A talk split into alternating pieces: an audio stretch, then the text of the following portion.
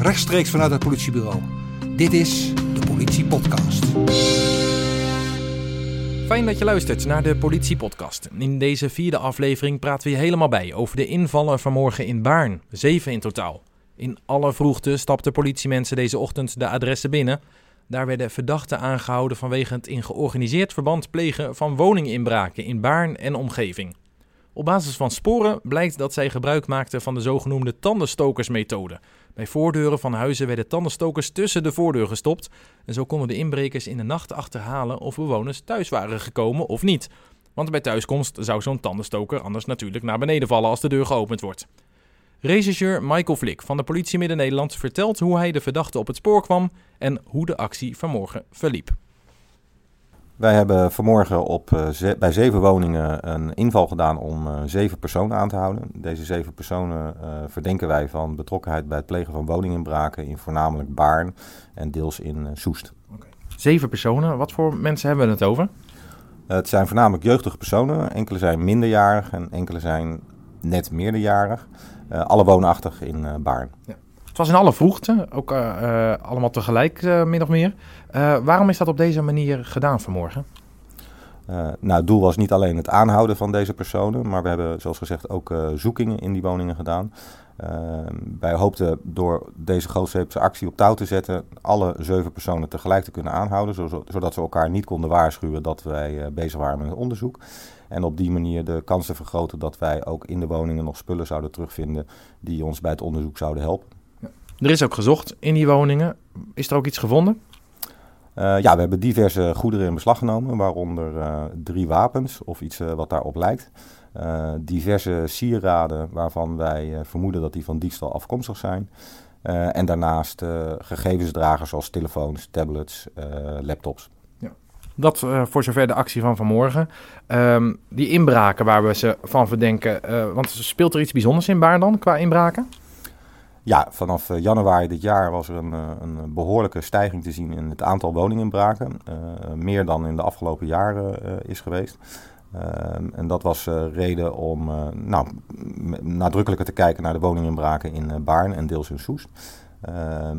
mede dankzij de hulp van de mensen van het basisteam en de bevolking van Baarn, die diverse verklaringen, meldingen hebben gedaan, kwam er een persoon bij ons in beeld nu verdachte, ja. uh, waar wij uh, ons onderzoek hebben opgestart. Okay. Dus dankzij onder meer getuigen, maar ook eigen onderzoek kwam er een persoon in beeld. Hoe is het daarna verder gegaan?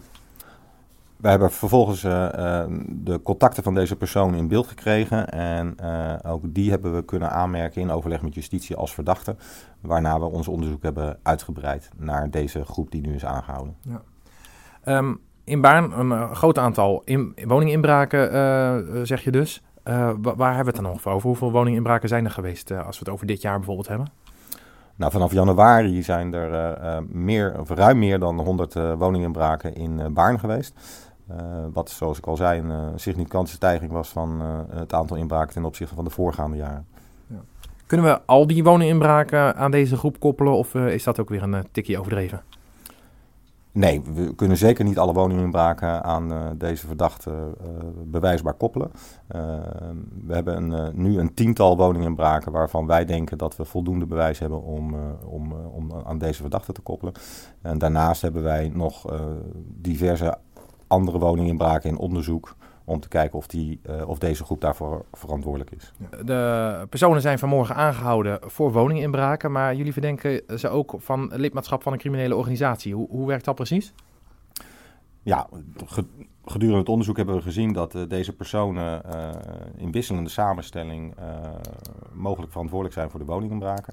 Ehm, die, de criminele organisatie klinkt als een zware term, maar je moet het zien dat deze groep dus samenwerkte met het oogmerk om uh, strafbare feiten, in dit geval woninginbraken, te plegen. Dus dat verklaart de verdenking naar een criminele organisatie. De zeven personen die zitten nu dus, uh, nu dus vast, maar hoe gaat het onderzoek nu verder dan? Wij zijn nu bezig om uh, de in beslag genomen goederen verder uit te rechercheren. Om te kijken of de sieraden die we aangetroffen kunnen terugbrengen naar een, een, woninginbraak. Datzelfde geldt voor die gegevensdragers. Ehm, en mogelijk dat er op die gegevensdragers ook informatie staat die ons gaat helpen bij het onderzoek. Daarna zullen de verdachten allemaal de mogelijkheid krijgen om een verklaring af te leggen over de verdenking die er tegen hun bestaat. En in overleg met de officier van justitie zullen de verdachten vrijdag worden voorgeleid bij de rechtercommissaris. En de hoop is natuurlijk dat het nu wat rustiger wordt in Baarn qua woninginbraken.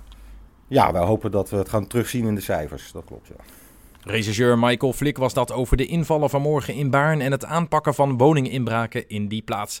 En daarmee zit deze editie van de Politie Podcast er alweer op. Volgende week zijn we er weer en als alles mee zit, kunnen we je in die editie een kijkje geven achter de schermen bij Opsporing Verzocht. We spreken dan met presentatrice Annico van Santen. Dat dus volgende week. Als je niks wil missen, abonneer je dan op deze podcast. Dan blijf je vanzelf op de hoogte. Voor nu, bedankt voor het luisteren en tot volgende week.